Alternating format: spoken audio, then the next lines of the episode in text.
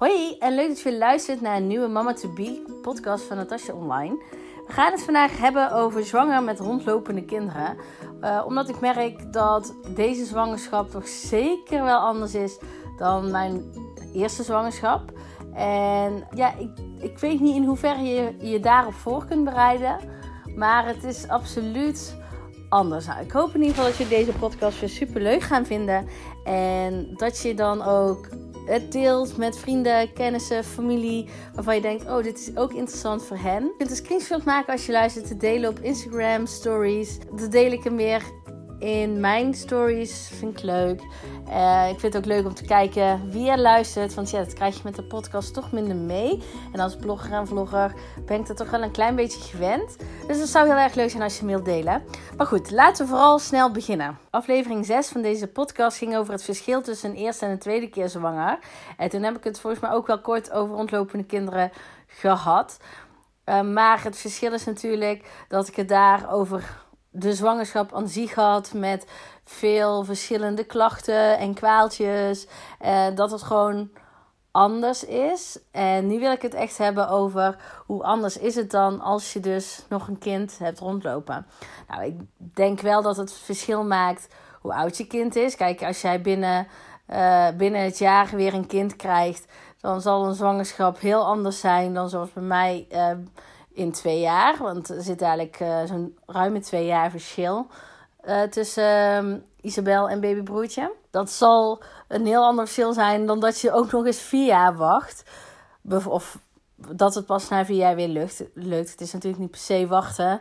Want je weet niet hoe moeder natuur het geregeld heeft voor je. Hoe dan ook is een tweede zwangerschap, of in ieder geval een zwangerschap waarbij je al een kind hebt rondlopen, heel anders dan een zwangerschap waarbij je nog geen kinderen hebt. En uh, ik denk dat dat het meeste tot zijn recht komt tijdens je verlof. Ik zit op dit moment in mijn zwangerschapsverlof.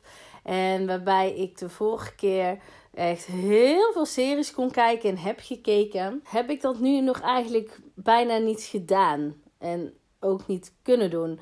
Want op dit moment is het feit dat ik thuis ben niet anders dan dat ik in het weekend thuis ben. Want er loopt gewoon nog steeds een peuter rond. En die gaat smiddag slapen. En ik ga ook naar bed overigens. Want dat vind ik zelf wel heel fijn. Dat heb ik ook nodig. Maar dat maakt het natuurlijk wel al heel anders. Kijk, zo'n moment dat mijn dochter anders op bed ligt... zou een moment kunnen zijn om series te kijken. Maar ik ga dus zelf ook naar bed. Daarbij is het ook veel zwaarder met, uh, met een kindje. Kijk, ik ben heel blij dat mijn man muzikant is en eigenlijk alleen in het weekend weg is. Waardoor uh, hij overdag uh, de zorg van onze dochter op zich kan nemen. En ik niet zoveel hoef te doen. Kijk, ze wil toch ook getild worden. En ja, ze wil ook de hele tijd het verschonen. Dus op de commode. Of in dit geval, wel, ze heeft een nieuwe kamer. Dus doen we het op haar bed. en dat is een half hoogslaper. Weet je wel, er zijn gewoon verschillende dingen die gewoon heel zwaar zijn. En ik heb last van mijn bekken. Dus het is dan ook gewoon heel erg zwaar als ik haar moet tillen en overal mee naartoe moet nemen. En als ik zelf boodschappen zou moeten doen. Dat, dat lukt me ook bijna niet meer. En ja, dan is het heel fijn als je iemand hebt die dat op kan vangen. Dus in dat opzicht heb ik heel veel geluk. Maar dat maakt zo'n zwangerschap zeker wel anders dan de eerste. Waarbij je geen rekening hoeft te houden met wie dan ook. Met ja, alleen je partner en misschien een huisdier. Maar that's it.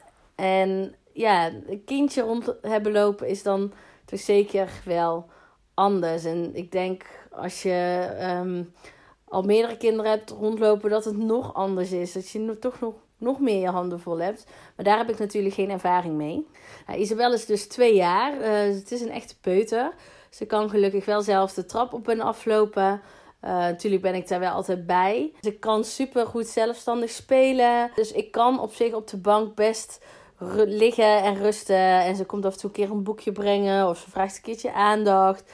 Maar in principe hoef ik niet per se met haar te spelen. Omdat ze dat gewoon heel goed zelf kan. En daar niet per se om komt vragen. Op, alleen op sommige momenten. Dus op het moment dat ze gaat, dan probeer ik dat ook. En anders kan ik gewoon lekker op de bank zitten. En dat is ook gewoon prima. Dus dat is dan wel enorm fijn. Maar ja, ik denk niet dat alle kinderen zo zijn. En dat je dan je handen wat meer voller kunt hebben. In vergelijking met hoe ik, hoeveel ik het heb. Nogmaals, ik denk echt wel dat het ook afhankelijk is van hoe oud je kind is. Want ik bedoel, is je kind vier jaar, dan is hij toch een stuk zelfstandiger. En kun je het ook uitleggen. En mijn peuter begint nu wel dingen te begrijpen rondom de zwangerschap. Maar uh, ja, dat heeft ze natuurlijk heel lang niet per se gedaan. En ze snapt nog steeds niet alles. En ze snapt nog steeds niet dat het voor mama heel lastig is om te bukken. En om uh, haar op te tillen de hele tijd. En dat maakt het dan wel dat je het moet uitleggen. En dat ik soms wel het gevoel heb dat ik haar tekort doe of zo. Terwijl ik uh, weet dat ze wel de liefde voelt vanuit mij. Uh, ze komt gewoon kusjes geven en knuffels. En ik geef haar kusjes en knuffels. Maar toch voelt het een beetje. Ja, hè, om, zeker omdat uh, Roy alles doet. Of vooral, of ja, alles. Het grote deel doet. Alsof ik dan geen goede moeder ben of zo. En ik weet dat ik gewoon een goede moeder ben. Dus daar maak ik me niet zo druk om. Maar dat gevoel krijg ik wel een klein beetje omdat je toch het idee hebt dat je niet de aandacht kunt geven die je zou willen geven. En ik zou, als ze wat vraagt om iets te doen, ook vaker ja willen zeggen dan nee willen zeggen. Maar dat, dat zit er momenteel gewoon niet in. Uh, hier en daar wel. En ja, ik vraag me dan af in hoeverre ze het begrijpt. Ze begrijpt wel als ik oud heb. Ze ziet mij ook moeilijk van de bank afkomen bijvoorbeeld. Omdat ik er gewoon last van heb. Dus ze snapt het wel. Deels. Maar toch is dat ja, een klein beetje schuldgevoel. Dat hou je dan toch of zo. Ik kan daar niet... Ik kan, kan niet zeggen dat ik me niet schuldig voel tegenover haar. Uh, dat ik haar niet meer op bed leg. Want dat doet Roy gewoon nu s'avonds. Tenzij Roy is werken. Dan doe ik het. En ik heb niet per se het idee dat zij er last van heeft of dat zij zoiets heeft, ik kom aandacht tekort. Maar dat is gewoon mijn eigen moeder idee dat ik denk, oh, ik ben zoveel beter dan dit. Ik kan zoveel beter en zoveel meer voor haar betekenen. En zeker natuurlijk juist omdat er dadelijk nog een kleintje rondloopt, uh, waardoor ze minder aandacht krijgt. Aan de andere kant is, zou dat ook iets heel moois en goeds kunnen zijn, want ze leert dan nu al dat ik misschien niet altijd de aandacht voor haar heb. Want dadelijk met, uh, met de baby, dan wil ik borstvoeding geven. Ja, dan ben ik gewoon een half uur zoet of zo. Of weet je, de baby heeft ook aandacht nodig. Dan moet ze ook wachten. Of kan ik ook niet continu met haar bezig zijn. Alleen is, uh, zoals ik net al zei, niet het kindje dat continu aandacht vraagt. Dus dat maakt misschien ook nog wel een verschil. Maar het is lastig, want het is gewoon een moedergevoel en je kunt daar niet zoveel aan doen je kunt daar ja, gewoon niet zoveel aan veranderen. Het is wat het is, zeg ik dan wel eens. En ehm, ik heb niet per se het idee dat Isabella last van heeft. Het is gewoon een moedergevoel. En dat maakt zo'n zo'n verlof als nu ook anders. Ik zit nu in mijn derde week verlof volgens mij. En ja, ik vind het wel fijn dat ik nu nog even tijd heb met Isabel. En ik denk dat zij dat ook heel fijn vindt.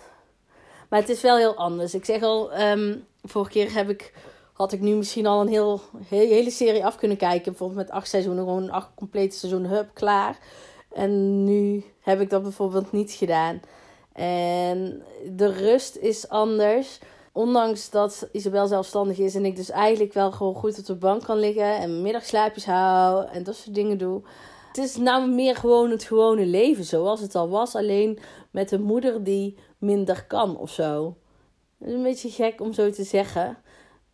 Want ik ben natuurlijk niet gehandicapt of net wat. Maar zo voelt het dan toch wel een klein beetje.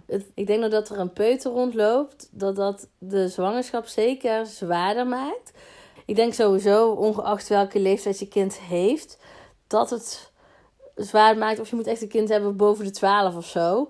Die echt gewoon lekker ook gaat spelen bij een vriendje of vriendinnetje. Weet je wel, echt, die echt gewoon goed zelfstandig is. Maar voor de tijd dat een kind nog niet zelfstandig genoeg is, is een zwang, tweede zwangerschap en een derde, een vierde, vijfde, of nou net hoeveel kinderen je wilt, denk ik best zwaar. En er is geen één zwangerschap zo relaxed als de eerste, mits je uh, geen klachten hebt natuurlijk. Want als jouw eerste zwangerschap gewoon zwaar is door jouw lichaam, of uh, misselijkheid, of wat voor klachten je dan ook hebt, dan kan ik me voorstellen dat een tweede zwangerschap, als die wel heel erg goed loopt, misschien wel fijner is dan de eerste. Maar over het algemeen gesproken, bij een normale zwangerschap, denk ik dat geen één zwangerschap meer zo fijn is als de eerste. En vooral niet in je verlof. ik ben heel erg nieuwsgierig hoe jullie dat hebben ervaren als je tenminste meerdere kinderen hebt. En hoe je echt mee deelde. Wat moest jij allemaal doen? Uh, je kunt mij DM'en op Instagram, Natasha underscore online. Uh, underscore zo'n, uh, weet je wel, streepje onderin. Um, misschien moet hij zich gaan aanpassen. Maar dat is een verhaal van een andere keer. Ja, uh, ik hoop dat je het herkenbaar vindt. Of misschien vind je het juist helemaal niet herkenbaar. Dan vind ik dat ook heel interessant om te weten. En ik zou het heel leuk vinden als jullie uh, deze podcast willen delen met uh, mama-to-be's. Die dus voor de tweede keer mama's worden. Of nou ja, ik denk vooral voor de tweede keer. Want degene die een derde kind krijgt, die zal er al meer ervaring mee hebben. Ja, van laten van weten wat ze te wachten kan staan. En of juist, misschien zijn ze al een stuk verder, net als ik. Uh, hoe zij het hebben ervaren of hoe zij het ervaren op dit moment. Ja, delen, delen, delen. Superleuk. Meer damesbekendheid kan ik meer vrouwen enthousiasmeren. En um, hopelijk ook inspireren. Dan hoop ik in ieder geval dat je deze podcast weer super leuk vindt. Volgens mij kun je ergens een hartje geven op het platform waarop je nu eh, deze podcast beluistert. Um, zou je me erg mee helpen in ieder geval. En ik hoop, je, ik hoop in ieder geval dat je de volgende keer weer luistert. Doei!